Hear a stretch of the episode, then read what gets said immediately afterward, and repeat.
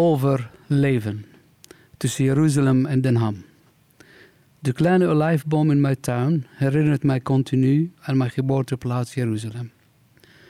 Ontworteld uit de olijfberg staat deze vandaag de dag rechtop en gezond, omhoog kijkend naar zijn buren, berken, eikenbomen en coniferen.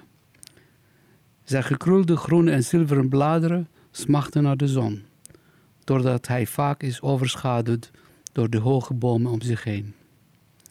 Strijdend als een olijfboom, zo voelt mijn strijd in de laatste 32 jaar in Nederland.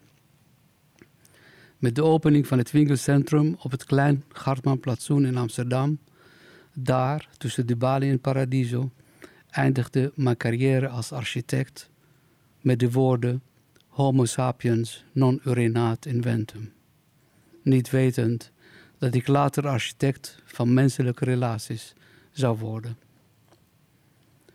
Daarna startte ik in het onderwijs als wiskundedocent op de internationale school Eerde. En ging later naar de internationale schakelklas op Landsteden in 1999. Op beide scholen zaten internationale kinderen, afkomstig uit verschillende werelden. En toch kon ik in beide het kind zien. Het ene deels slachtoffer van de omringende rijkdom en de ander van oorlogen en de vreedheid van onze wereld. Ik stapte uit mijn klas in 2003 om het steunpunt allochtone deelnemers vorm te geven. Een opdracht die mij aansprak vanwege mijn verworven ervaring met cultuur en taalkennis in de landen waar ik heb gewoond. Een reis van Jeruzalem via Griekenland en Engeland naar Nederland. Er lag een visie, maar die moest nog vorm krijgen. Van mijn direct leidinggevende kreeg ik alle ruimte om dit op te zetten. Door vertrouwen te geven en dienende leiderschap is het steunpunt gelanceerd onder de naam Salam. Steunpunt allochtone leerlingen en advies aan medewerkers. Dit is de groet van vrede. Ik zag de polarisatie, de verharding en vooral de verwildering van onze samenleving. En ik wist dat we die buiten moesten houden. Mijn deelname aan het identiteitsplatform gaf mij de kans om de organisatie te kunnen verbreden.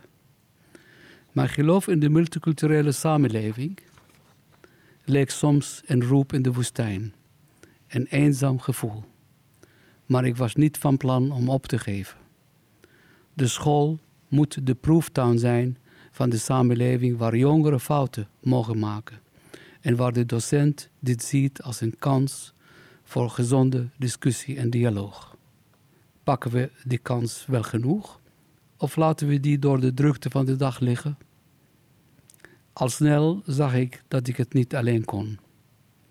Ik zag mijn collega's met pensioen gaan en ik dacht, wat een verlies. En zo is Maatje op maat geboren. De volgorde ging tegen het systeem in. Van idee gingen we direct naar de uitvoering. Niet lang daarna kwam het geld en als laatste het schrijven van het projectplan van Maatje op Maat. Deze organische manier van werken gaf ons de ruimte om te creëren. Alles was open voor verbetering en aanpassing.